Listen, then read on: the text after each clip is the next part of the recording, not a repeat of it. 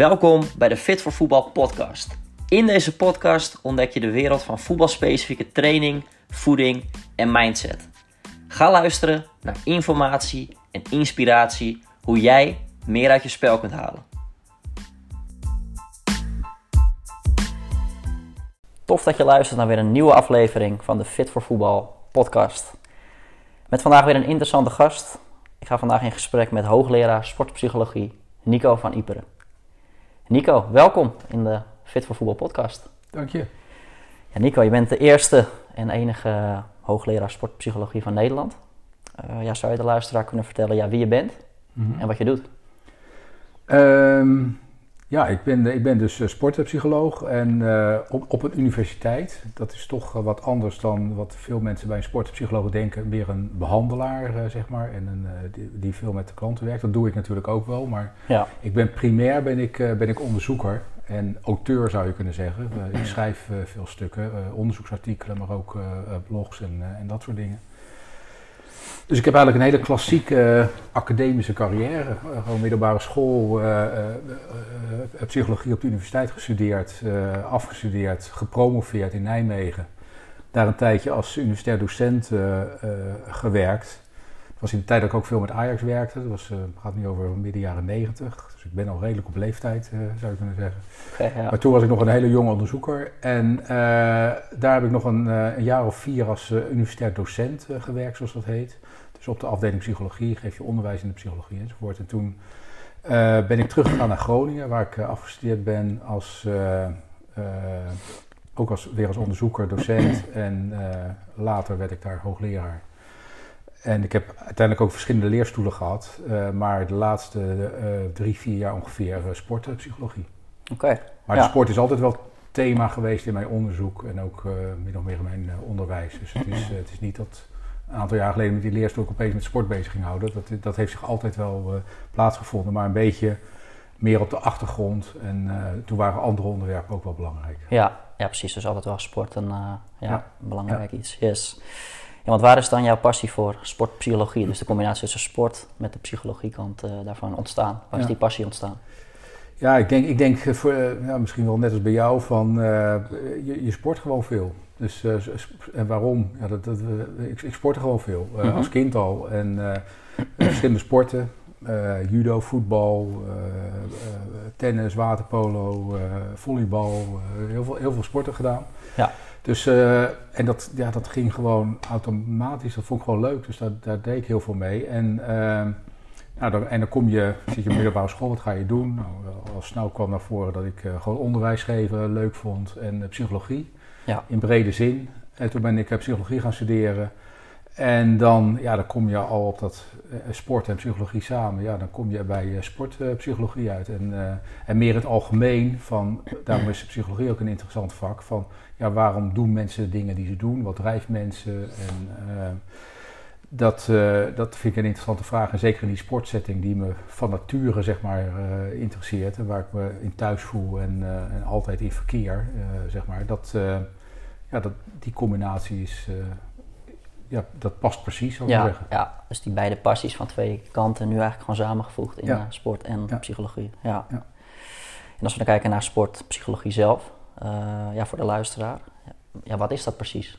Ja, um, ja dat, dat bij, bij, bij sport, dat is natuurlijk een situatie waarin je voor het oog van het publiek presteert. niet altijd voor het oog van het publiek, als je natuurlijk op, op, op, op, op, een wat minder niveau, dan speel je vaak, vaak alleen. Ja. Maar in ieder geval, het is wel een hele expliciete situatie waar je, waar je presteert. Hè. Als je sport, per definitie gaat het om winnen en verliezen. Dat, dat is sport. Hoewel dat niet hoeft te domineren, want de activiteit zelf is natuurlijk ook heel leuk. Maar toch, als je eenmaal bezig bent, ook als je niet zo met winnen en verliezen bezig bent, dan gaat dat toch wel een rol spelen. omdat het inherent aan de activiteit is. En dat kan ook een bepaalde druk geven. En uh, ja, dus wat gaat er allemaal om tussen je oren, zeg maar, op dat soort, dat soort momenten. En dat neemt alleen maar toe naarmate de belangen groter worden. Dus in professionele sport, waar, er, waar niet alleen winst-verlies is, maar ook ja, grote, groot publiek, commerciële belangen en dat soort dingen. Ja. Dus dan, dan, dan gaan die mentale factoren een steeds grotere rol spelen. En ja, hoe gaan mensen met dat soort situaties om? Wat, wat gebeurt er als iemand letterlijk door het ijs zakt tijdens een wedstrijd of juist floreert en, uh, en, en, en, het beste van zichzelf laat zien op, uh, op belangrijke momenten. Waarom lukt het bij de een wel en bij de ander niet? Waarom op het ene moment wel, op het andere moment niet? Ja. Maar ook dingen als samenwerking en coachen en, uh, en al dat soort voorbereiding, al, al, dat soort dingen, dat, dat, dat, dat valt daar ook onder. Ja, ja, dat is eigenlijk alles wat er ja, tussen de oren uh, zich afspeelt. Ja, alles wat met, uh, met, met gevoel, uh, met, met, met gedachten en met gedrag te maken heeft. Dat zijn eigenlijk de drie componenten ja. van psychologie. Van hoe voelen mensen zich, wat denken ze en wat doen ze. Ja. ja, ja. duidelijk. Ja, in eerdere interviews of andere podcasts waar je te gast was, vertelde je, ja, als je sporters of trainers vraagt welke factoren van invloed zijn op een sportprestatie, ja, zal iedereen de vier aspecten noemen, dezelfde. Namelijk fysiek, techniek, tactiek en mentaal. Vinden ze allemaal heel belangrijk. Maar je zei ja, als je dan vervolgens vraagt, ja, waar besteed je dan tijd aan? Ja, dan is het echt niet heel uh, wat ze aan mentaal uh, aandacht aan besteden. Ja. ja. hoe komt dat denk je? Dat ze wel veel aandacht leggen bij die technische, tactische en fysieke uh, ja, componenten, ja. maar mentaal trainen ze niet. Ja, dat, dat, dat, dat, dat, kan verschillende oorzaken hebben, maar ik, ik denk toch dat er een soort uh, beeld omheen hangt van uh, ja, mentaal, als je, als je daar aandacht aan besteedt, of als het mentaal niet lukt of zo, of dat je daar iets minder in bent, dan ben je een beetje loser. Of, mm. Dan, dat heeft ook consequenties voor je mens zijn als geheel. Weet je wel, als je fysiek, jouw vak is zeg maar de fysieke kant. Ja. En als je fysiek, ja oké, okay, ja, ik ben fysiek niet zo sterk, maar ik ben wel een hele toffe gozer, weet je wel. En veel vrienden en, en iedereen vindt dat. Maar zeg ja, mentaal uh, Mm. is die zo lekker. Dan uh, is het niet alleen uh, van toepassing op de sport, maar dan word je in het algemeen een beetje als zwak Ja. uh, gezien. Dus het, het, heeft meer, meer betrekking op je hele, hele mens zijn. Waardoor het, uh, en de keer, andere kant is natuurlijk ook zo, juist als je juist heel sterk uh, voelt, of, uh, of je wordt als heel mentaal sterk gezien, Ja. dan denken mensen dat je op alle vlakken mentaal sterk bent. Dat, dat hoeft helemaal niet zo te zijn. Vaak, vaak moet je je ook competent voelen op een bepaald gebied. Dus een sporter die gewoon heel goed is, een wereldster, ja, die, die, die, die, kan ook heel mentaal sterk zijn heel goed zijn in, in, in, in zijn of haar sport. Ja. Maar juist mateloos onzeker als het om, uh, om andere dingen gaat. Een, uh, een ander publiek optreden, Ja. een interview. Of uh, hoe je een, een, een, meisje of een jongen aanspreekt aan een bar. Of, Ja. of weet je wel, dat soort dingen. Daar kunnen zij ook heel, heel, heel, onzeker over zijn. En, en, mentaal zwak, om het in die termen maar te zeggen. Ja. Dus, dus het, het, is een nogal beladen, beladen begrip. En het, en het grappige is van... Uh, dat heel veel sporters, uh, het is een beetje een taboe, maar, maar eigenlijk doen best wel veel sporters aan mentale dingen zonder dat ze het weten. En ook indirect. Kijk, Ja. jij, jij zit zelf op, de, op het fysieke aspect, maar jij weet ook van als je je fysiek gewoon sterk voelt en goed getraind bent en helemaal fit voelt, Ja. dan voel je je mentaal ook sterker, automatisch, uh, Mhm. zeg maar. Ja. Dus ook als je uh, uh, fysiek uh, bezig bent, dan, dan, ben je indirect ook met het mentale aspect Ja. bezig. Daar heb ik ook wat over geschreven, want het is, feitelijk is er is een redelijk onzinnige vraag van het mentale aspect of het fysieke, of het, want alles heeft met alles te maken. Geheel, het, ja. het is onlosmakelijk met elkaar verbonden. Dus Ja. als je fysiek bezig bent, ben je ook mentaal bezig en vice versa. Als je tactisch over dingen goed nadenkt, ja, dan voel je je ook zekerder. Dus dan ben je ook mentaal. Nou, dus, dus dat heeft allemaal met, uh, met elkaar te maken. En, uh, en heel veel trainers en coaches die soms ook aan publiek. Hè, je hebt een aantal bekende uh, tv-persoonlijkheden. Dus Derks, ook bekende sporters, Max Verstappen, die niet erg hoog opgeven van mentale aspecten. Nee. Maar ik weet zeker, als ik met, uh, met hun zou praten of, of een collega of zo, dan, uh, dan zullen we het al snel over eens zijn dat ze heel veel aan mentale aspecten uh, doen of hebben gedaan. Ja. En Max Verstappen is daar een uitgesproken voorbeeld van. die, die vindt dat maar niks van, ja, dan ben je zwak en zo. Maar als er iemand aan mentale training doet, dan is het wel Max Verstappen. Ja. Alleen al het feit dat hij uren per dag in zijn simulator zit. Weet je Ja. Dan kun je zeggen, ja, dat is ook techniek en stuur en, en tak, tactisch goed rijden op een bepaald baan en circuit. maar, maar ook dat hij daardoor dat vertrouwen ontwikkelt, dat hij met dat soort dingen bezig is. Of, of dat hij weet hoe hij zuinig moet rijden om banden te sparen. Het is ook een technisch aspect, maar dat geeft ook mentale rust, omdat je weet dat je dat kunt. Ja. Dus ook hier is het weer een combinatie van dingen waar je, waar je indirect, dus soms zelfs heel direct, ook met mentale uh, training bezig bent. En, en als hij zich voorbereidt op de race natuurlijk, dat hij, daar heeft hij ook zijn, ik weet niet precies wat, maar ongetwijfeld heeft hij daar ook zijn routines en zijn dingetjes voor. Uh, om zich ook uh, mentaal voor te bereiden op die, op die race. Dus, ja. dus daar zijn ze vaak wel mee bezig, maar het wordt niet zo, niet zo onderkend. Uh, wat niet wegneemt dat je als dat sportpsychologen ook nog wat, wat extra tools vaak kunnen aan, aanreiken om het, om het nog beter te maken. Want dat is ook een kern van het, van het vak. Hè? De, dus, dus het heeft een beetje als dat je zwak bent of zo, maar juist sportpsychologen die weten ook, zeker topsporters, die, die zijn al mentaal heel erg goed, heel erg sterk. Net zo goed als ze fysiek en, en tactisch en heel, heel sterk zijn. maar topsport, dat gaat om gewoon steeds beter worden. Dus uh, ook mentaal kun, je, kun, je, nog steeds beter worden. En je hebt altijd momenten in een wedstrijd gehad of, of een moment in een seizoen waar je misschien wat, wat wegzakt of iets niet op kan brengen of, of, of, de neiging hebt om nou laat maar zitten of, of, of, gewoon foute keuzes maakt door, door de stress of wat dan ook. Ja. En dat je denkt, ja, hoe kan ik me daar in de vervolg beter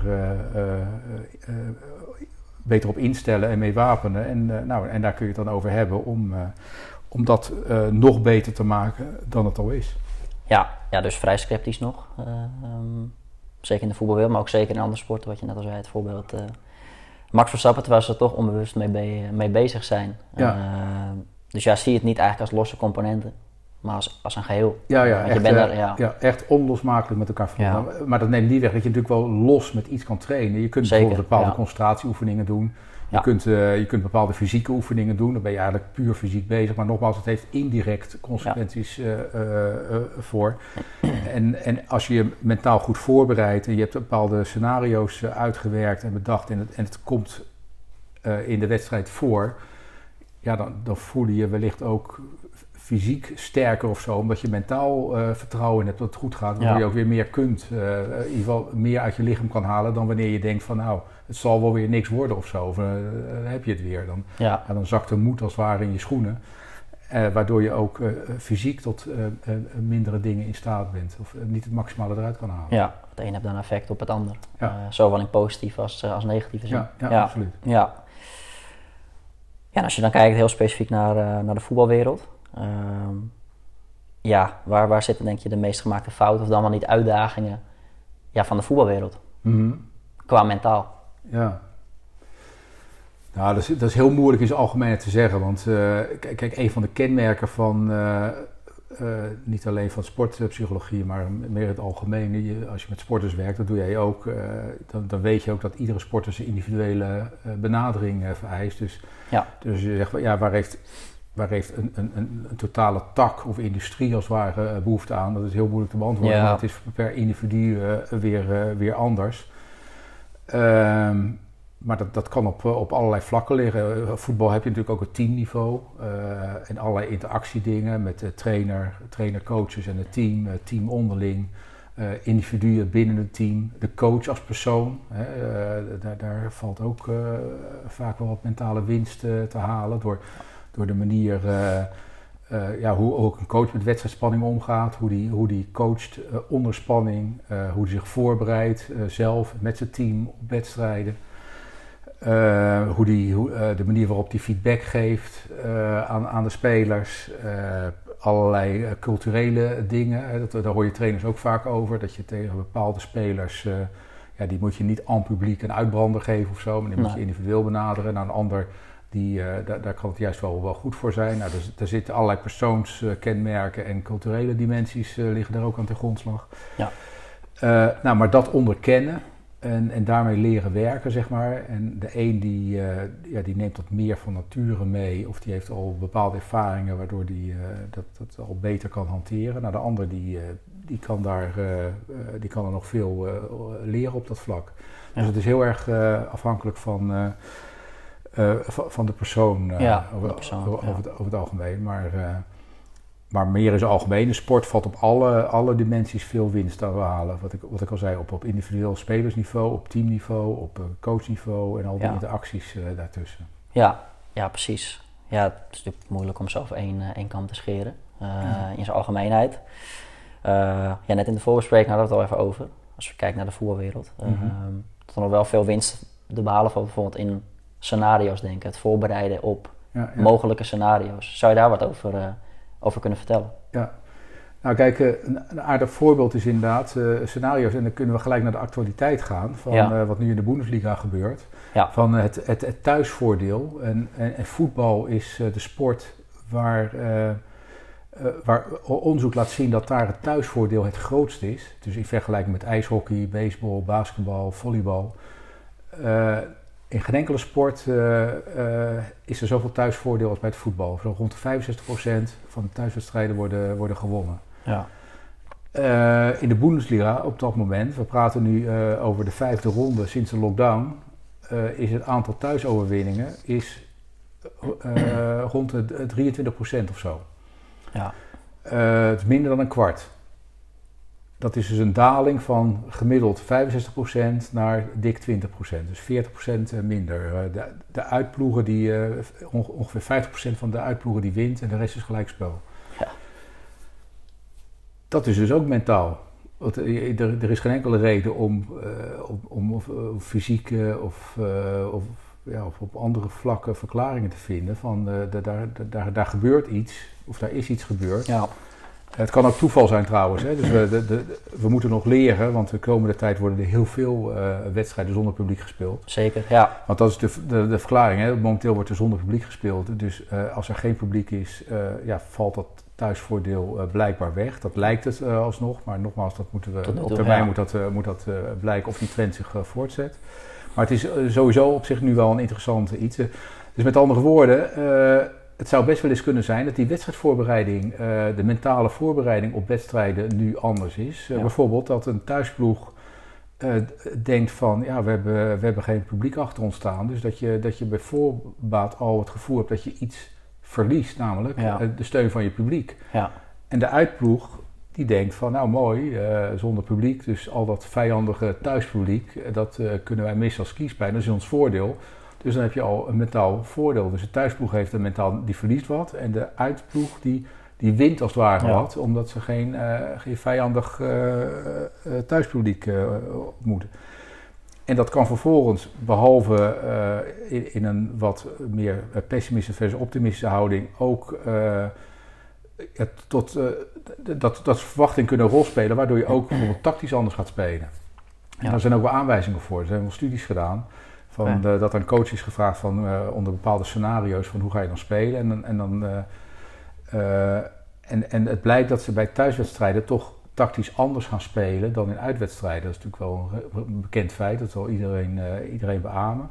Maar blijkbaar, of, of mogelijk, laat ik het zo zeggen, als er zonder publiek gespeeld wordt, dat een uitspelende ploeg of uitspelende coach, dat die toch wat aanvallender gaat spelen, met, eh, met meer lef eh, gaat spelen, omdat, ja, om- omdat, er- omdat het waar, als het ware geen uitwedstrijd meer is. Het is een soort eh, wedstrijd op neutraal eh, terrein. Ja.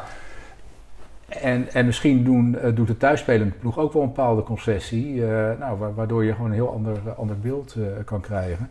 Nou, en dat, zijn, en dat zijn dus ook mentale aspecten, gewoon puur je, je verwachtingen, hoe je je voorbereidt, wat voor tactische keuzes je maakt. Eh, hoe je eh, de, de verwachting, dat zei ik al, eh, die, die je hebt voordat je, voor- voordat je begint. en, en hoe je op dingen, sorry, hoe je op dingen reageert. Ja. Dat, dat heeft allemaal invloed. En, en zonder publiek spelen heeft bijvoorbeeld ook voor de professionals die gewend zijn voor volle stadions te spelen. Die, ja, die horen opeens alle aanwijzingen van de ploeggenoten. Die horen de coach Ja. schreeuwen. Terwijl dat normaal gesproken ja, door het publiek niet gehoord ja. wordt. Maar het publiek zorgt weer voor andere eh, afleidingen. Hè? De gezang en eh, nogmaals vijandig publiek, eh, soms tot hele ranzige dingen die geroepen worden. Dat is ook een van de problemen Mm. die in het voetbal heerst. Maar dat is in ieder geval anders. Dat zijn verschillen met en zonder publiek. Nou, en dat, dat heeft dus ook. dus, en, en je vroeg over scenario's. Dus, Ja. dus hoe, je dan, hoe je daarop voorbereidt. Is dus ook dus, voor veel ploegen is dit een, een, een, nieuwe situatie. Althans, dat ze zonder publiek een wedstrijd spelen. Veel ploegen kennen natuurlijk wel een leeg stadion, omdat ze daarin trainen. En soms oefenwedstrijden met ook ja. nauwelijks publiek. Maar gewoon voor het echi, zeg maar, wanneer het om het kampioenschap of een bekeroverwinning gaat. zonder publiek spelen voor veel ploegen nieuw. Nou, wat, wat is dan precies nieuw? Behalve geen publiek, dat je hoort, misschien verwachtingen. Nou, daar, daar kun je, dat, dat kun je als het ware inventariseren wat nieuwe factoren zijn. En daar kun je als, als ploeg kun je op, op voorbereiden van, uh, om, om, die, om die daar optimaal op, op, op, voor te bereiden onder die nieuwe omstandigheden. En ook, ja, ook, ook meer, meer te oefenen. Dus in de periode. kijk, deze week begint de Italiaanse en Spaanse competitie weer, meen ik. Dat is deze week of volgende week. Maar die ploegen die, daar, die zich daar nu op voorbereiden, die zouden nu ook in lege stadions uh, moeten, moeten spelen. Om te kijken, ja, hoe is die, die sfeer en, en wat, wat is anders dan, uh, dan anders. En uh, naast de reguliere dingen van scenario's voorbereiden, wat doen we als we binnen in de eerste minuut met 1-0 voorkomen of met 1-0 achterkomen? Of wat doen we als het nog steeds 0-0 staat in, de, in, de, in de 85ste minuut? gaan we dan vol op de aanval? Of wat, wat, wat, wat gebeurt er als er een. Uh, als, als een scheidsrechter foute beslissingen maken, weet je wel. Je, je soms constateert dat sommige spelers daar uh, ja, een beetje doordraaien. Mm. En, en, en, dat, en dat wil je niet, want er wordt iemand uitgestuurd. En uh, dus dan kun je ook eh, iemand, iemand voorbereiden van uh, ja, wat, wat, gewoon een aantal, aantal scenario's voorleggen van wat doe je als dit, wat doe je dat. Van je wordt dan kwaad, boos, gefrustreerd. ja, hoe kun je dat wat reguleren? En misschien moet je je teamgenoten daarbij helpen. Dat zie je ook wel, hè, dat iemand gewoon weg, gewoon een medespeler gaat ertussen staan en die, die trekt iemand bij de scheidsrechter weg. Dat kan dat, kan een impulsieve actie zijn, maar dat kan ook voorbereid zijn. Voorbereid zijn omdat je weet dat hij daar gewoon heel veel moeite mee heeft. En de neiging heeft die scheidsrechter te lijf te gaan als het ware.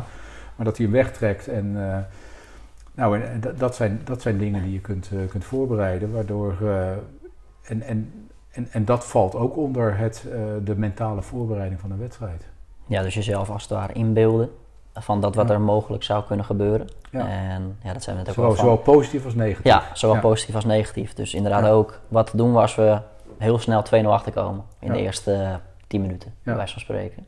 Wat doen we dan? Blijven we dan ons spel spelen? Passen we het aan? Uh, dus ja, om daar al ja, verschillende gameplans voor te maken. En een goede illustratie is, uh, dat heb ik ook wel ergens opgeschreven, van uh, gewoon een citaat van een, uh, van een willekeurige voetbaltrainer eigenlijk, van ja, we hadden van alles voorbereid en we stappen het veld op en, en in de eerste minuut kwamen we 1-0 achter. Alle scenario's konden de prullenbak in. Hè? Je hoort het een trainer zeggen. Ja. En dan denk ik, ja, dat is een beetje onnozel. Hoezo alle scenario's? Ja. dit is een scenario waar je op voor kunt bereiden. Dat je in de eerste minuut met 1-0 achterkomt. Wat, wat doe je dan? Ja. Dus dat is, uh, dat is dat, dat, excuses komen ook vaak voor, weet je wel. Ja. Van, uh, maar dit is dus een heel ja, fout excuus, zeg maar. Want dat is gewoon iets Waar je, waar je gewoon heel goed op, uh, op kunt, uh, kunt voorbereiden. En, uh, ja, en, en, en dat, dat valt dus ook onder die mentale voorbereiding. Ja. Wat doen we als we 1-0 achterkomen? Of 1-0 voor, onverwachts. Terwijl de tegenstander op papier ja. veel beter is, bijvoorbeeld. Precies, dus verwacht het onverwachte en, en hou gewoon met al die scenario's ja. En, zelfs, en je kunt niet alles voorbereiden, hè? want je, soms gebeuren gewoon dingen wat, wat beyond imagination is, zoals het heet. Dat, dat kun je gewoon niet voorstellen nee. van tevoren maar dan nog, als je, als je een aantal dingen goed hebt voorbereid, dan, dan kun je ook juist op dat volstrekt onverwachte, uh, over het algemeen reageer daar toch adequaat op. Omdat je eigenlijk altijd een soort restcategorie hebt van, nou ja, als er iets onverwachts gebeurt, dan uh, dat je als het ware uh, voorbereid bent ook op het onverwachte. Waardoor de kans groter is dat je adequaat reageert dan dat je je volledig laat overvallen door iets uh, wat volstrekt onverwachts uh, is. Maar ja. je moet niet de illusie hebben dat je alles kunt voorbereiden. Dat, nee. dat, hoeft, dat, hoeft, ook helemaal niet. Maar je kunt. En je moet de dingen voorbereiden op de juiste momenten. Dus geen negatief scenario. Wat doen we als we met 2-0 achterkomen een uur voor de wedstrijd? Nee. Dat moet je op rustige momenten doen. Uh, op maandagmorgen of zo voor de wedstrijd van het weekend. Of, of in, een, in een periode in de zomer. Ja. Dat je afgelopen seizoen ben je een paar keer de mist ingegaan in, in, in bepaalde scenario's, in bepaalde situaties. Nou, hoe gaan we daar komend seizoen uh, mee om? En dan kun je daar uh, met spelers, trainers en staf uh, over, over nadenken. Van ja. hoe je dat met, met dit nieuw, wellicht wat nieuwere team, hoe, hoe, kunnen we daar op een goede manier mee, mee omgaan? Ja, ja, ja, ja. ja, dus niet inderdaad kort voor de wedstrijd ja. een negatief scenario, bij wijze van spreken, bedenken dat iets verder weg van de wedstrijd of in rustige periodes. Ja, dus het, is, het is belangrijk dat je gewoon met een goed gevoel, positief gevoel, met, met duidelijke opdrachten, met duidelijke taken, dat je weet wat je moet doen, het veld opstapt. Met die instelling. En in je achterhoofd heb je dan de mogelijke dingen die zouden, zouden kunnen gebeuren. En dat je met een, met een simpel signaal onderling, daar kan de aanvoerder een goede rol in spelen van, nou, net als met een corner nemen. Van uh, iemand komt bij de eerste paal, hè, allerlei varianten met een corner, met een vinger opsteken of twee vingers of wat dan ook. volleyballers zijn heel sterk in met wat voor type aanval gaan we spelen. Ook met bepaalde symbolen maken ze dat kenbaar. Nou, dat, dat, is, dat is het idee van we gaan dat, deze aanval, deze, dit patroon gaan, we, gaan we nu doen. Ja. En dat kan dus ook bij een 1-0 achterstand of zo. Ja. ja, precies. Dus ja, gewoon die scenario's inderdaad voorbereiden. Ja. ja. En dan hoeven ze niet de prullenbak in.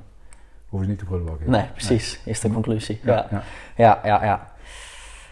ja dan maken we eigenlijk een sprongetje inderdaad naar je, naar je eigen blog. Je hebt natuurlijk ook een blog waarin je ja, veel publiceert, ook over deze onderwerpen. Mm -hmm. Dus uh, ja, jij als luisteraar, ga zeker naar sportscience.blog.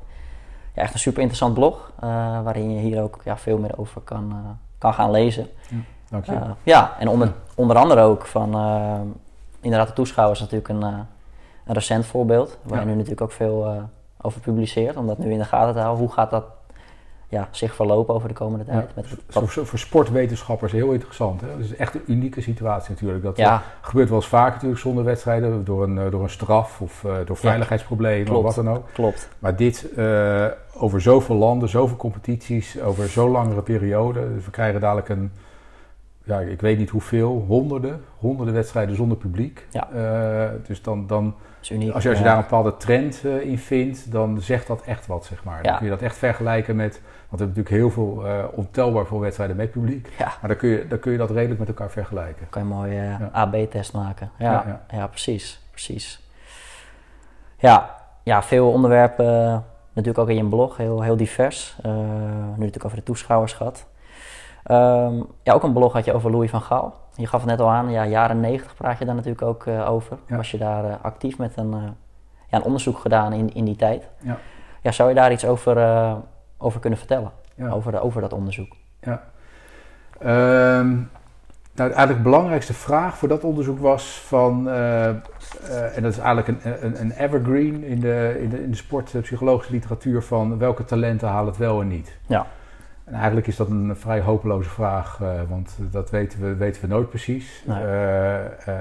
wat we in zijn bezig, we zijn nog steeds met dat thema bezig en wat, wat we steeds beter weten, en dat, ja, dat kun je op je klompen aanvoelen, dat ook hier weer hele individuele uh, factoren een, uh, een, rol spelen. Uh, veel toeval ook, of iemand het wel of niet haalt. Um, wat bijvoorbeeld als we, als we in het voetbal kijken, dat er, dat, dat wordt, daar komt ook steeds meer oog voor. Dat je, dat je ja, kinderen selecteert van, van 10, 12 jaar of zo. is volstrekt zinloos. Want hoe, hoe een kind op 10, 12 jaar leeftijd is, zegt gewoon 0,0 over of die het uiteindelijk wel of niet haalt. Daar hebben we nu wel genoeg data over. Okay. Vanaf een jaar of uh, 15, 16 begint het zich wat uit te kristalliseren. En dan kun je al. Uh, dan zijn de is voorspellende waarde al wat, wat, wat groter. Ja. Maar goed, waarom dat in de praktijk gebeurt, heeft ook allerlei commerciële redenen. En, en, en, en, angst om een, om een talent over het hoofd te zien of een, of een bepaald talent niet, niet binnen te halen. Maar zeg maar puur sportpsycholoog zou je kunnen zeggen, heeft dat dus, ja, is die, is die voorspellende waarde op, rond die leeftijd heel laag. Ja. Maar in ieder geval de, de groep waar ik toen mee werkte, dat was, dat was dus vanaf die leeftijd zo, zo 15, 16 tot, tot, tot 18, 19. Mm -hmm. En daar heb ik, in het, die heb ik een aantal, aantal jaar gevolgd. En, maar uiteindelijk van heb ik met terugwerkende kracht, dus een jaar of tien later, dus een voetbalcarrière, een sportcarrière in het algemeen is vrij kort. Dat is een voordeel van onderzoek in de sport uh, ja. uh, doen in vergelijking met werksituaties. Want een, uh, een werkcarrière dat duurt 40 jaar of zo. Sportcarrière 10, 15 jaar. Maar, maar zeker na 10 jaar kun je, kun je, dus dan zijn spelers in dit geval zo rond de 6, 7, 28. Nou, dan weet je wel of ze het uiteindelijk uh, wel of niet gehaald hebben. Oh, en ja. tot wat voor niveau. Is het een international geworden, een internationale verdette? Uh, op, op, op, op competitieniveau, op eredivisieniveau Ja. een leuke speler, maar, maar, maar niet, geen international of, of eredivisie, eh, eerste divisie, amateurniveau. Nou, in ieder geval, dat konden we na eh, eh, tien jaar eh, redelijk klassificeren, of goed kla- eh, klassificeren. En toen konden we met terugwerkende kracht kijken, kijken naar eh, de data die we hadden toen ze nog jeugdspeler waren, op de leeftijd zo 16, 17, 18, of we of, of, dat konden voorspellen. Nou, en, en de beste voorspeller, dat is, eh, was gewoon het oordeel van de coach.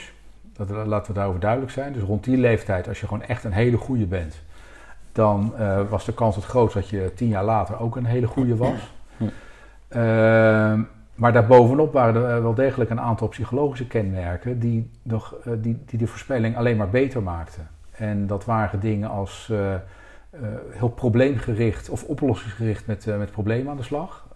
Dus niet, niet dingen van je weg, wegstoppen of zo, maar gewoon als er een probleem is met je teamgenoten, met de trainer, met je fysiek, dat, je, dat je daar ook daadwerkelijk wat aan deed om, het, om de oorzaak daarvan weg te nemen. Ja.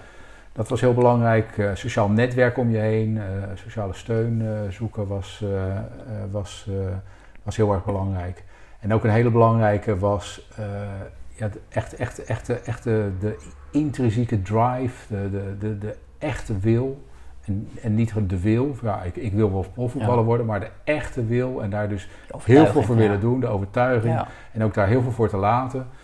Eh, dat was, eh, dat was eh, ook een hele, hele belangrijke. Ja. Want rond die, die Ajax-voetballers rond die tijd, hè, als je in de Ajax-opleiding zit, ja, iedereen wil natuurlijk profvoetballer worden. Dus al die Ja. jongens hebben een, hebben een, hebben een, een hele sterke drive. Zeker, ja. Maar, e- maar, die, maar, die, maar die hele echte drive, die, die konden we redelijk identificeren. Die, die jongens die het gered hebben, die hadden dat meer dan die jongens die het uiteindelijk niet, Ja. niet gered hebben. En dat is dan een beetje een grote lijn. Hè? Dus, daar, dus dan, dan, geef, dan, dan kun je met een redelijke voorspelling eh, dat, eh, dat doen, achteraf, een achteraf voorspelling. Ja. Maar ook voor individuen eh, binnen die groep waren er ook toeval. Hè? Er waren dus een aantal jongens die raakten gewoon zodanig geblesseerd dat het gewoon klaar was. Ja. Die, die hadden die drive al, die waren probleemgericht en die werden ook positief beoordeeld en dat is goed. ja. Maar ja, die hebben, die hebben of, of, of een, een soort van doodschop gekregen of een andere, of door een bepaald ongeluk een, een zware blessure. En dan, dan is het ook, ook einde verhaal. Ja. Ja, dus dat zijn wel de eigenschappen, eh, die drie componenten die je net noemde. Wat een talent maakt of kraakt. En dat is eigenlijk pas meetbaar na de carrière van hoe is dat verlopen. Nou, het is niet bij, je kunt het van tevoren natuurlijk meten, maar je weet pas achteraf, want er zijn meer dingen gemeten. Mhm. Eh, pas achteraf kun je kijken van, je hebt dan gewoon een heel duidelijk criterium. En, en, en, eh, dus dan heb je als het ware, even simpel gezegd, twee, twee groepen. De, de, de succesvolle voetballers en de, en de minder succesvolle voetballers. Nou, en wat zijn de verschillen tussen deze twee groepen? Dan kun je dan met terugwerkende kracht eh, kijken, van eh, dus eh 10, 15 jaar eerder, van eh, waar, wat, wat onderscheiden beide groepen dan op psychologische kenmerken bijvoorbeeld? Nou, toen kwamen die drie kenmerken kwamen, kwamen Ja. naar voren. Ja, ja, ja. Dus je hebt toen een. Ja. En, en ik wil niet zeggen dat dat, dat, dat de kenmerken zijn van in- bij die groep speelt het een belangrijke rol. En ik ben ervan overtuigd dat dat in zijn algemeenheid voor sporters belangrijk is. Maar dat wil niet zeggen dat andere dingen ook niet, eh, ook niet eh, belangrijk kunnen zijn. Wij hebben dat in dat onderzoek in ieder geval niet gevonden. Nee, Maar dat eh, wil niet zeggen dat dat niet zo is of zo. nee, Ja. nee, nee. Wat de belangrijkste moraal is dat sport of dat psycholo- psychologische factoren mede kunnen verklaren of iemand uiteindelijk een topper wordt. Ik denk dat dat de belangrijkste boodschap is. Naast puur eh, of die door trainers wordt gezien als een, eh, al een hele goede voetballer of een minder goede voetballer. Dat Ja. was wel de belangrijkste voorspeller voor de duidelijkheid. Maar daarbovenop waren psychologische factoren die ook van belang waren. Ja, Ik denk dat dat de belangrijkste moraal van dat eh, onderzoek was. ja, precies, precies. Ja, ja. ja vooral die, die echte overtuiging vanuit hunzelf natuurlijk al een van die componenten. Ja. ja. Ja, die echte wil om iets te bereiken en of om dat te bereiken, gewoon profvoetballer willen, Ja. willen worden. Dat is, dat, en dat zie, je, ja, dat zie je natuurlijk bij iedere topper, die eh, enorme intrinsieke drive. Dus niet zozeer die extrinsieke drive ook, hè, van eh, ik ga veel geld verdienen of wat dan ook, maar Nee. gewoon ja, het spel prachtig vinden. Ja. Eh, niks liever willen dan als je een bal ziet, ja, gewoon wil met die bal en, en, je, en je- ja, je wil daarmee trainen, oefenen, je wil beter worden. Ja. En, nou, die drive, dat, is, dat is echt super belangrijk. Ja, dat zag je daar duidelijk in terug. Ja, ja, ja, ja. Ja, ja precies. Ehm ja, wil ik ook nog een sprongetje maken naar eigenlijk weer een ander onderwerp. Ehm, ik zie dat je veel schrijft ook over van ja, controle, de controlebos, je overal wel in, eh, in terugkomen. Ja. Ehm, ja, zou je daar iets over ja, kunnen vertellen? En, en dat heb ook weer een link met die Stoïcijnse filosofie. Dus eigenlijk Ja. ja, focus op de dingen waar je controle op hebt. Ja. Zou je daar iets over kunnen vertellen? En wat ja, een voetballer heeft aan, aan deze filosofie? Ja. Nou, ja, meer in zijn algemeenheid. Van, of, of, of dingen wel of niet goed gaan in je sport, in het leven in het algemeen. eh, Dat, dat, dat is van heel veel factoren afhankelijk. En eh, daar kun je altijd afvragen van, eh, ja, wat, heb, ik daar, heb ik daar een bepaalde, bepaalde invloed op? En ehm, als je bijvoorbeeld gewoon als, als, als voetballer dan kun je kwaad worden op een trainer omdat hij, omdat hij je niet selecteert. eh, eh, voor, voor het team of voor een, voor een selectie. Ja, Eh, Of bij, de, eh, bij, bij, eh, bij, bij eh, jeugdacademies zoals de Ajax-school, eh, dat je aan het eind van het seizoen afvalt. Ehm, maar feitelijk heb je daar weinig controle over. Van, eh, dat, is, dat is gewoon uiteindelijk een beslissing van, eh, van een trainer Ja. of een technische staf. Waar, waar heb je wel controle over, is dat je, dat je maximaal traint. Dat je, dat je met verstand traint. Hè? Dus het hoeft niet, eh, veel uren is wel belangrijk, maar je kunt ook te veel uren, zoals je weet, ja zeker. eh, eh, trainen. Dus je moet ook daar verstandig mee, mee omgaan. Ehm, en op allerlei belangrijke vlakken traint en advies vraagt. En, en, en, en, en hoe je speelt, je instelling. dat zijn allemaal dingen waar je controle over hebt. Ja. En hoe, wat toeschouwers van je vinden. Wat mensen in het algemeen over je vinden. Wat je op sociale media vindt. Eh, ja, dat zijn allemaal dingen van dat kan heel onplezierig zijn. Van, eh, maar dat is een kwestie van, eh, van accepteren. Ja. dat, dat, dat is zo. En dus daar, daar mo- moet je verder je energie niet, niet aan, aan vuil maken dat, of aan besteden. En dat is, ehm, en dat is best wel moeilijk, want eh, ik, eh, zoals ik het nu zeg, is het net alsof het eenduidig is van ja, daar heb je wel controle over en dat niet. ja, Want ook eh, een, trainer kun je natuurlijk ook in een zekere mate beïnvloeden. Hè? Van Ja. hoe je met die omgaat. En, maar, maar dus dat is continu een inschatting die je moet maken van heb ik daar, heb ik daar invloed op? Van eh, als jij, om maar een concreet voorbeeld te noemen wat iedereen bekend voor zou komen. Als je, als je op het, eh, we, vliegen tegenwoordig niet meer zoveel in deze tijd, maar Nee. je komt op het vliegveld en eh, je bent net te laat voor inchecken. En, je, en, en, of, of je vliegtuig vertrekt überhaupt niet. Ja, dan kun je daar heel kwaad om worden. Maar ik, oh ja, het, het, is, eh, het, het- is niet anders. En je, je, je- gaat een nieuwe vlucht eh, eh, boeken. Ja. Maar het, dat, dat, het feit dat je die vlucht gemist hebt, ja, dat, is, dat is gebeurd. Daar kun je verder geen, eh, geen, eh, heb je verder geen invloed op. Dus dan moet je, terwijl je, ja, terwijl je goed kunt voorstellen dat je gewoon he- heel pissig bent en gefrustreerd en boos. ja, Eh, dus dat is heel rationeel eh, om, om te denken, ja, daar moet ik me niet druk om maken. Maar door, door oefening en door te onderkennen van, eh, ja, daar heb ik wel invloed op en daar niet. En, en dat is gewoon zonde van mijn energie. Door training en door oefenen en door het eh, herkennen van situaties eh, kun, je, kun je daarmee leren omgaan. ja, en ook op spannende momenten, want daar gaat het natuurlijk om, hè, met een eh, beslissing van de scheidsrechter die eh, ongunstig is. En die heb je Mm. de VAR, dus dat kan herroepen worden. Maar ook als een VAR ja, ten nadele van, ja, that's it. Ja. Dus daar moet je mee, mee dealen. En als je, als je daarop ingesteld bent dat je daar verder geen, ja, je energie niet aan besteedt, maar wel vervolgens wat je moet doen om... wanneer je een penal- penalty tegenkrijgt eh, en die wordt gescoord, ja, hoe je die 1-0 achterstand kan wegwerken. Ja. Wat je volgens moet doen met scenario voorbereiden. Scenario, wat, ga je, nou, daar moet je je energie dan eh, aan, eh, Ja. aan- besteden. Dus dat is eh, heel, heel veel mentale training is daar ook, daar ook op gebaseerd. En dat is misschien wel de kern van de sportpsychologie. De, ik, zou, ik zou zeggen, de kern van de sportpsychologie is, is omgaan met, met afleidingen. Dus kunnen leren, leren omgaan met afleidingen. En afleiding kan dus zijn iets wat gebeurt waar je geen controle over hebt. Wat je dan kan, ja, van je af kan laten glijden als het ware. En dat je je weer richt op dingen eh, eh, waar, je, waar je wel invloed op hebt. Dus die afleiding, die, die laat je voor wat het is. Ja. En, en het, herfo, eh, het, het, het, het, refocussen, herfocussen Focus, op datgene wat je, wat je moet doen.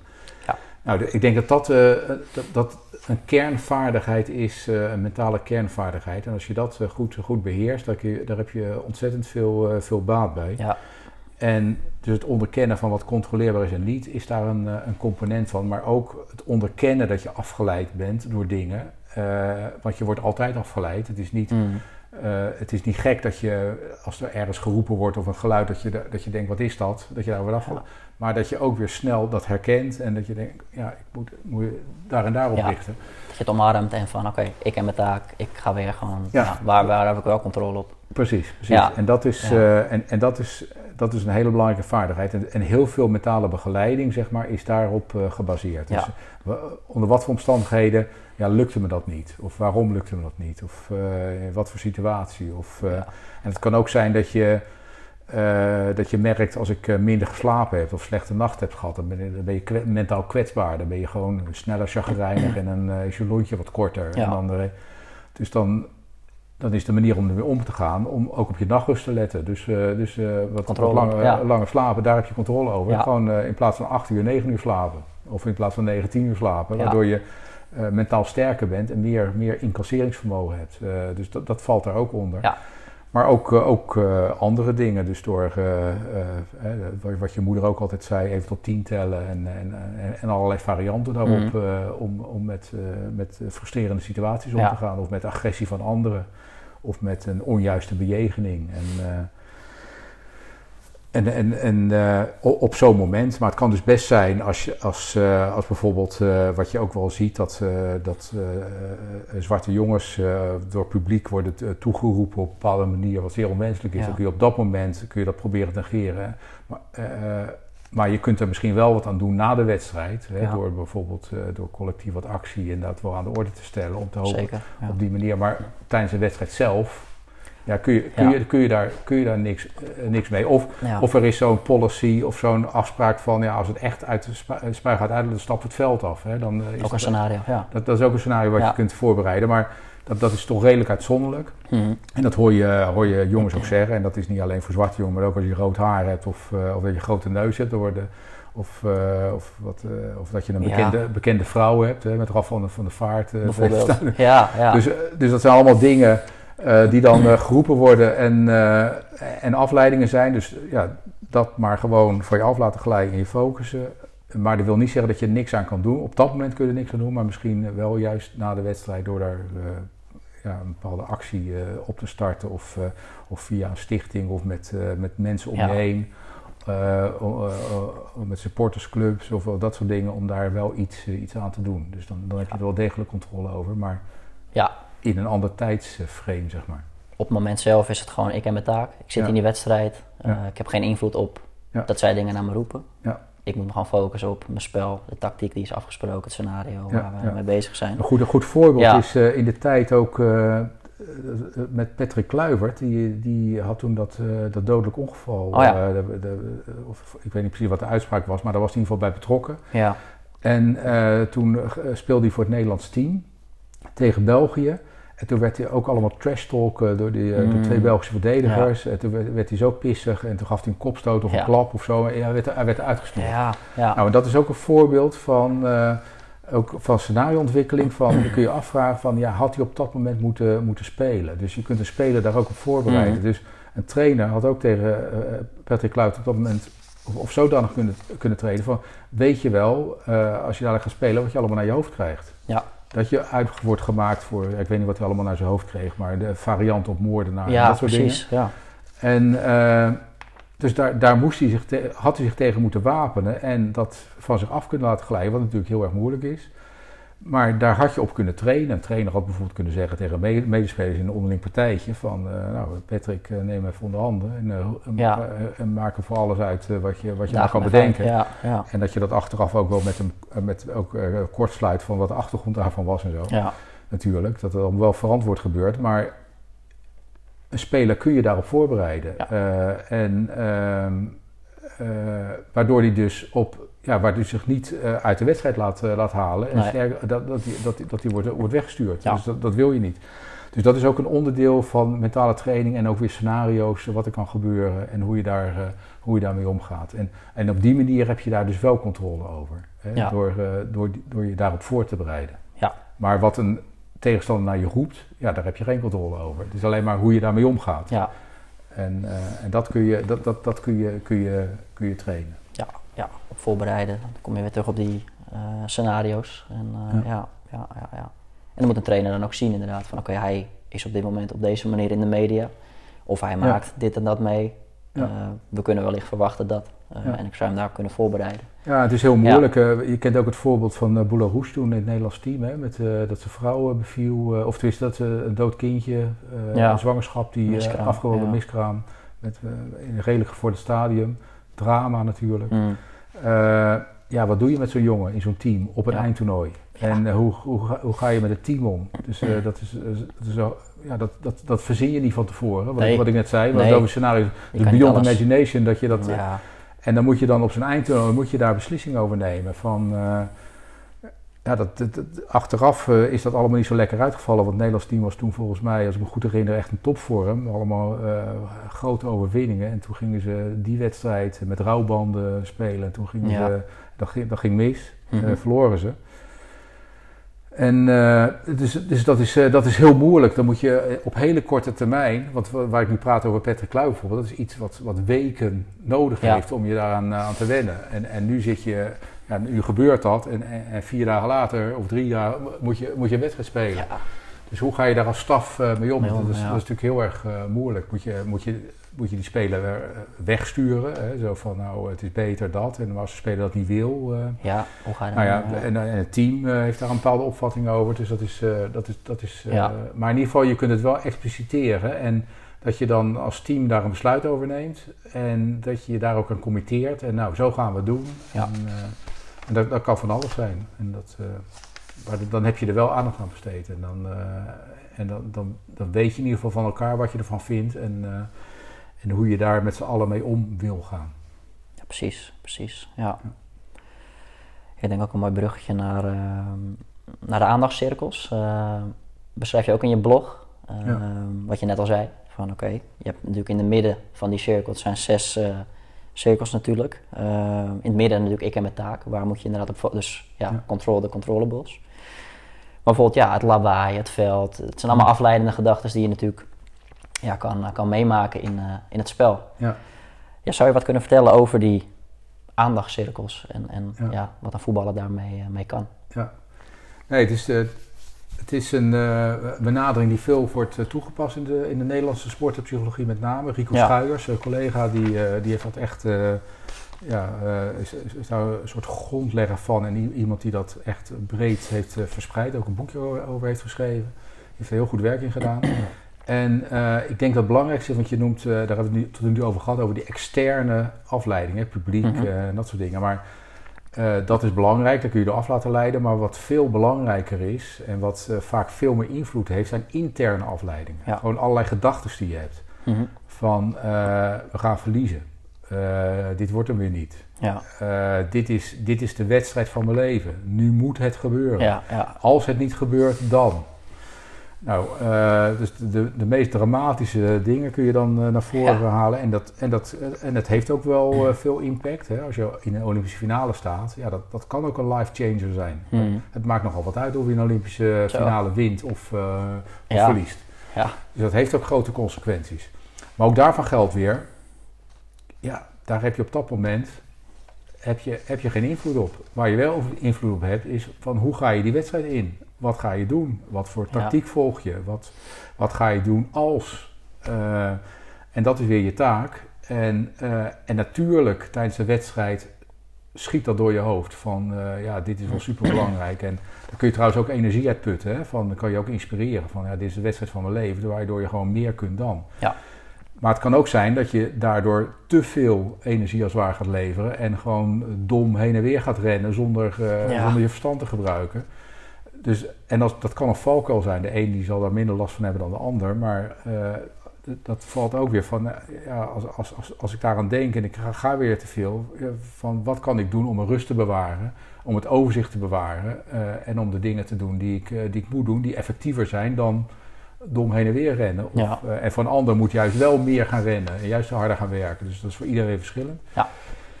Maar dat kun je dan, eh, gaan bedenken van als je met dat soort dingen te maken krijgt, hoe je daarop reageert. En over het algemeen geldt een soort algemene richtlijn is van dat, je, dat je dat soort gedachten, dat, je, dat je dat niet erg vindt dat je ze hebt, want dat is normaal, iedereen heeft dat. Maar als je ze hebt, dat je dan weet, dat je een soort protocol hebt, een manier van handelen, van, dat je zo snel mogelijk weer terug naar je, naar je taken bent. En dat is, en dat is ook een kwestie van, van, van, oefenen en, en ook, ook ervaring. Ja. Er is veel van die sporters die zeggen, ja, ik heb nooit... Ik, ik heb nooit... dat is mijn sieren. De, de Apple Watch gaat even af. Apple Watch, ja. ja. dat ehm, uh, dat, dat, sommige ervaren sporters, die, uh, ja, die mentale training, dat, uh, daar vind ik niks of zo, maar die hebben al zoveel ervaring en die, hebben, die weten uit ervaring hoe ze met dit soort dingen moeten omgaan. Ja. En het idee van mentale training is ook dat je dat misschien wel kunt versnellen. Dus als je daar als jeugdspeler mee begint, op 16, 17-jarige leeftijd, dat je al een, een mentale fitheid, maar om die termen, uh, kunt bereiken uh, als je 21 bent. Terwijl je dat, als je dat op een natuurlijke manier laat, dat, dan ben je pas zover als je 3, 24 bent. Mm, ja. Uh, weet je dat idee? Hetzelfde als je, als je aan je fysiek meer aandacht besteedt, dat je, ook, dat je op je 21 ook sterker kunt zijn als dat je, het, ja. dat je geen specifieke training doet. En, Precies. Nou, ja. dus, dus dat is. Um, uh, ik even, het, gaat van de, het gaat om die aandachtscirkels. Ja, de aandacht, dus ja, ik ja. heb mijn taak en, en ja. de, voornamelijk de interne afleiding. Omdat we daarvoor natuurlijk vooral over externe afleiding Ja, uh, ja precies. Hadden. Maar, maar in ieder geval die, die, uh, dat, je, dat je dus leert onderkennen dat je dat soort afleidingen hebt en dat je weer teruggaat naar, naar, je, naar je cirkel 1, naar de kern van je, van je, van je taak. Dus dat is belangrijk. Dus niet niet balen als je weer zo'n gedachte hebt. Dat je dat, je dat en nog sterker, dat je dat labelt als mentaal zwak als je ja. weer afleidingen hebt, zo intern als of dat je extra. Nee, dat, dat is normaal. Maar terugkeren naar, naar de kern van je taak, dat is, uh, dat, dat is een hele belangrijke ja. uh, vaardigheid. Uiteindelijk ook weer, ja, waar heb je controle op? En, en, ja. ja. precies. Ja. Um, ja, je noemde het net al even een beetje in de intro toen we het over de aandachtscirkels hadden. Van uh, kijk, die interne afleiding of die zelfspraak is natuurlijk heel normaal als je sport. Mm -hmm. uh, helemaal in, ja, onder druk, onder hoge spanning. Uh, ja, wat je wel eens hoort inderdaad. Je hebt er ook over gezegd van ja, ik wil niet boos worden. Of, of als dat gebeurt, wil ik niet mm -hmm. boos worden. Of mm -hmm. ik wil niet verliezen. Ik mag nu niet verliezen, weet je wel. Het woordje niet. Ja. Um, ja, eigenlijk je hersenen, zeg maar, of, of ja, je brein kent het woord niet niet eigenlijk. Dus als je alleen maar denkt bijvoorbeeld aan niet verliezen, ja, ja je, je pikt dat toch op als verliezen. Uh, die, dus ja, wat voor zelfspraak ja, zou je dan wel moeten doen? Of wat zou je eigenlijk adviseren om eigenlijk het woordje niet te vermijden? Ja, nou, het is een beetje hetzelfde punt van... Uh, uh, wat, dat, dat ontstaat natuurlijk snel. Ja. Dus dat je als sporter denkt, ik wil niet verliezen, dat is heel normaal. Ja. Van, ja, natuurlijk wil je niet verliezen. Uh, ik, ik, ik, ben zelf golfer en dat je de bal niet in het water wil slaan, ja. is heel normaal. Ja, logisch ja. dat je de bal niet, uh, als je een penalty moet nemen, ja, dan wil je niet naschieten of overschieten of op de keeper nee. afschieten. Nee. Dus dat zijn hele logische ehm, gedachten. En, ehm, en dat je die hebt, ja, dat, dat is zo. Ja. prima, maar je kunt van tevoren bedenken van als ik een penalty moet nemen en ik wil niet naschieten, ja, uh, logisch dat ik dat denk, maar als dat gebeurt, wat moet ik dan doen om me te gaan richten op wat ik wel moet doen? Namelijk die bal in de rechterbovenhoek of linkerbovenhoek of uh, wat voor, wat voor uh, trappen je ook, ook, ook hebt geoefend en waar je je sterk in voelt. Ja. dus je hebt een aantal opties voor hoe jij een penalty neemt, waar je nagenoeg zeker bent dat, het, dat je daarmee scoort. Daar heb je een bepaald ritueel voor. Van het neerleggen van de bal en de aanloop en alles wat er om, omheen, ja. Omheen moet gebeuren. in golf en tennis dat zijn dat soort rituelen natuurlijk ook heel gangbaar. die rituelen zijn bedoeld om, om je in een bepaalde ja, protocol te brengen, een bepaalde structuur te brengen om een taak goed tot uitvoering te brengen. Ja.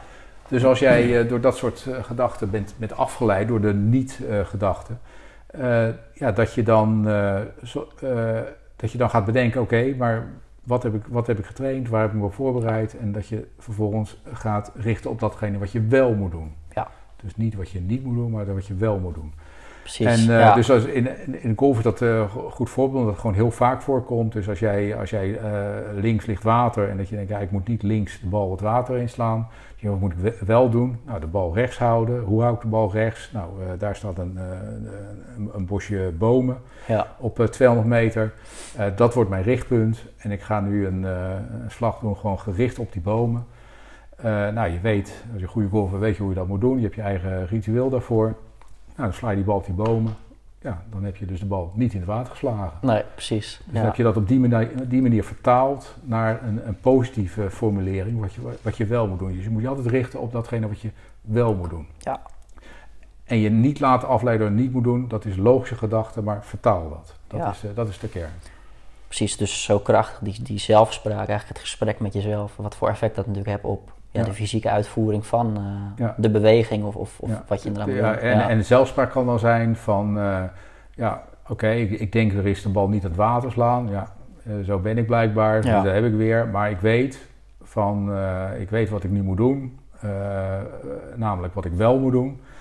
Dat is een, een target kiezen waar ik de bal op moet slaan. Nou, dus dat je op die manier via zelfspraak... dat, eh, dat- en dat gaat dan in een fractie van seconden. Hè, als, je, als je dat vaak hebt gedaan, dat je Mhm. dan dat er- erkent en dan eh, ja, direct weet wat je moet doen. Nou, je ritueel gaat doen, je routines. Ja. En, eh, en dan de bal goed, goed, goed wegslaat, wat nooit een garantie is. Maar de, de kans dat het goed gaat is dan aanzienlijk groter dan dat je in je hoofd zit van niet in het water slaan. Want dan Nee, ja, ben je als het ware gefixeerd op het water en dat, Ja. Dan gaat het niet goed komen. precies, precies. Dus vertaal niet naar wel. Ja. Ja, Ja, ook kort eh, had je het even over penalties. Eh, ik weet dat je daar veel eh, discussie over hebt gehad met, met voetbaltrainers, waar je Mhm. wel eens eh, voor spreekt. Ja. Van, ja, zijn die nou wel te trainen of niet? Ja. Ehm, ja, ik weet dan wat je dan altijd zegt. Ja, zou je daar ja, de luisteraar iets over kunnen vertellen? Hoe, je, hoe je die discussie dan vaak aangaat? Over Ja. penalties of die heel veel zeggen, ja, het is een loterij. Zijn niet te trainen. Ja, ja.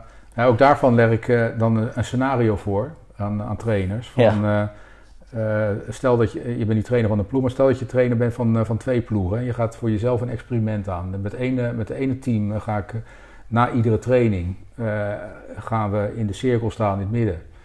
En gaan we de hele penalty routines doen. Dus één voor één naar voren eh, en, en penalties nemen. Ja, Dus ook onder, onder vermoeide condities. Hè. Na de training ben je Mhm. moe. Dus ook eh, net eh, analoog aan het eind van de wedstrijd dan ben je ook moe. Ja. Eh, dus onder vergelijkbare condities. Alleen de spanning is natuurlijk dan minder, maar toch. iets anders, ja. Maar daar, daar, daar, daar kun je wel wat, eh, wat spanning aan toevoegen. Het andere team wat je traint, nou doe je gewoon Ja. eh, trainingen en eh, training klaar, eh, kleedkamer in en, eh, en, en nooit de penalties oefenen. Nou, eh, het toeval wil eh, dat je, eh, eh, de luxe situatie is dat eind van het seizoen jouw ploeg A moet tegen jouw ploeg B in de bekerfinale. En dat wordt een gelijkspel.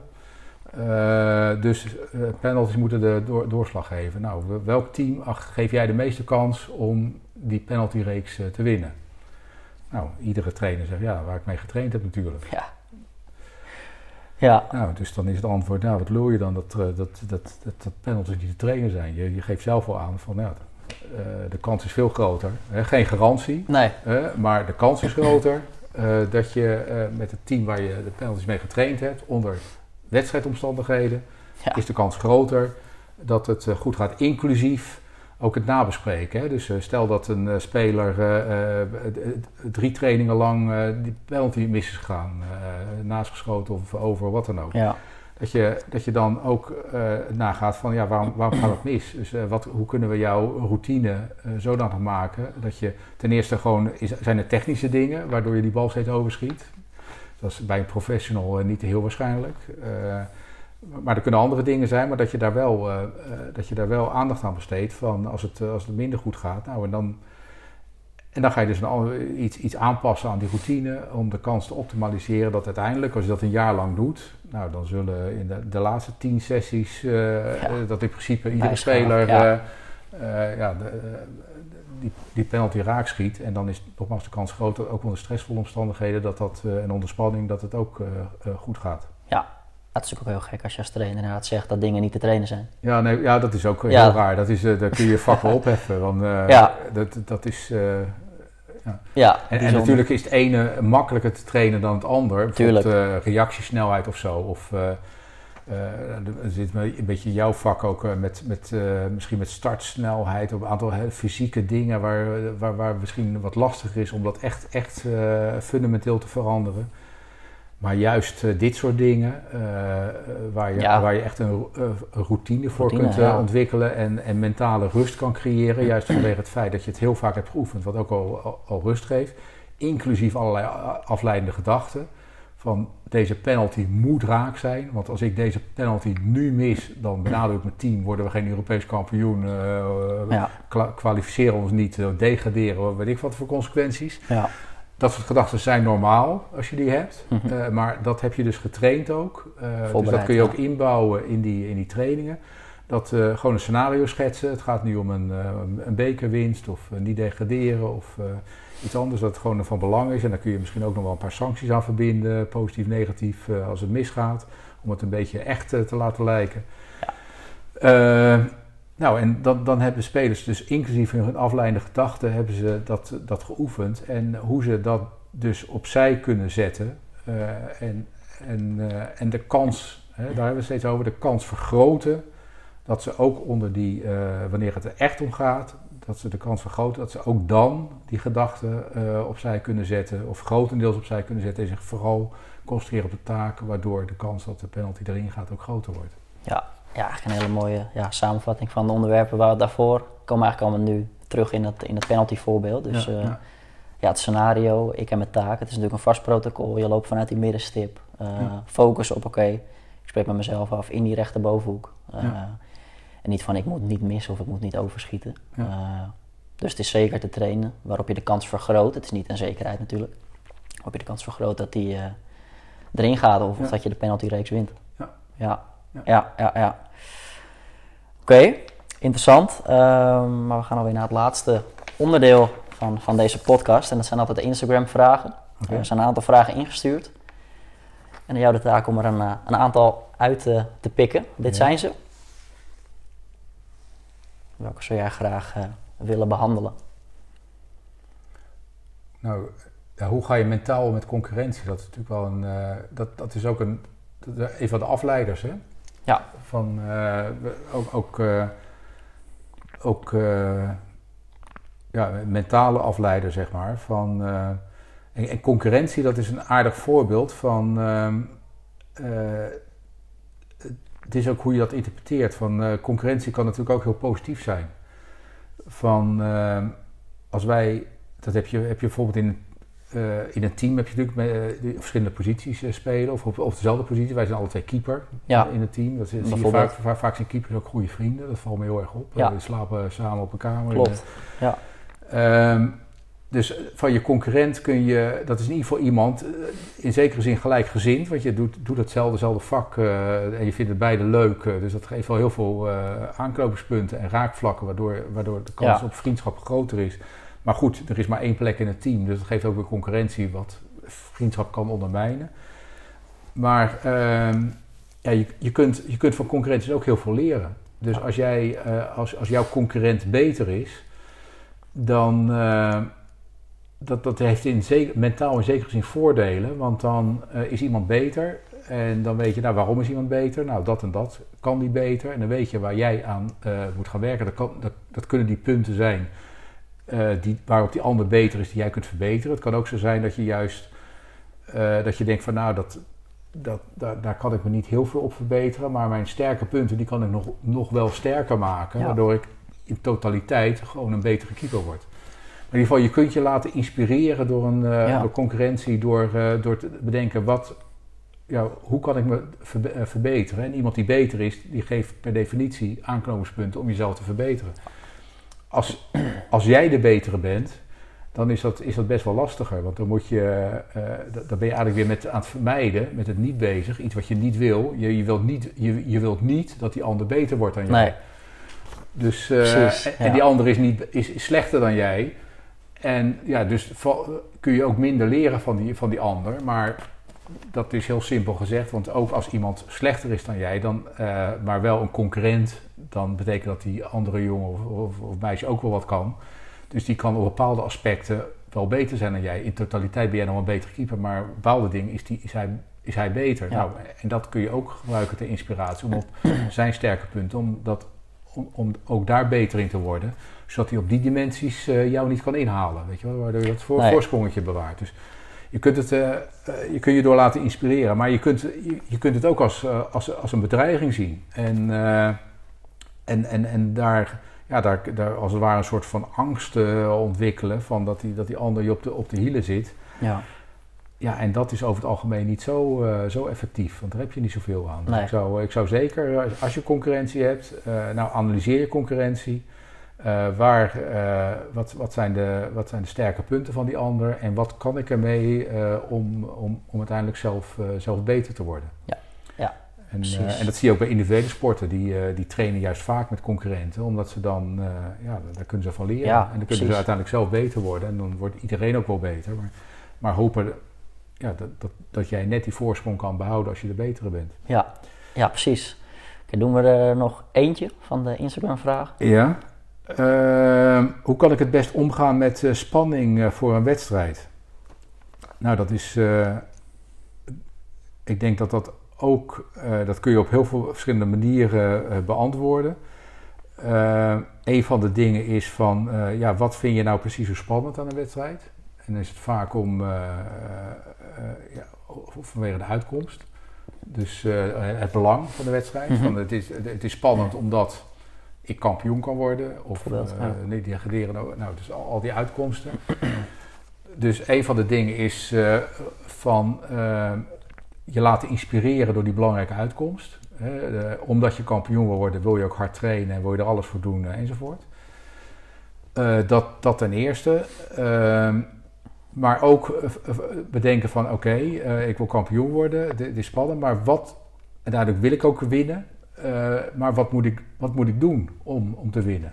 En dus ook weer terug naar die taak, Ja. wat, je, wat je uiteindelijk moet doen. En dat zal spannend blijven natuurlijk, maar naarmate je dus eh, beter voor jezelf eh, voor ogen hebt wat je precies moet doen, hè, dat je al die protocollen als het ware hebt, eh, Ja. inclusief een, een flexibele houding om met, met onverwachte situaties om te gaan. Maar dat geeft dan ook weer vertrouwen. en dat je dan door je te richten op datgene wat je moet doen en afwachten en accepteren dat die uitkomst onzeker is. En dat dat een, een zekerheidje is op het moment eh, van dat laatste fluitsignaal. Ja. En dus daar hoef je je verder helemaal niet mee bezig te houden. Dat, dat zie je dan wel. Eh, maar je vooral richt op datgene wat je moet doen. Dat is de kenmerk van. Naast, eh, dat is een manier om met de spanning om te gaan. Naast allerlei andere ontspanningstechnieken. Hè, een beetje op je ademhaling letten. Of, of misschien aan bepaalde dingen denken. Wat je, waar je ontspannen door wordt.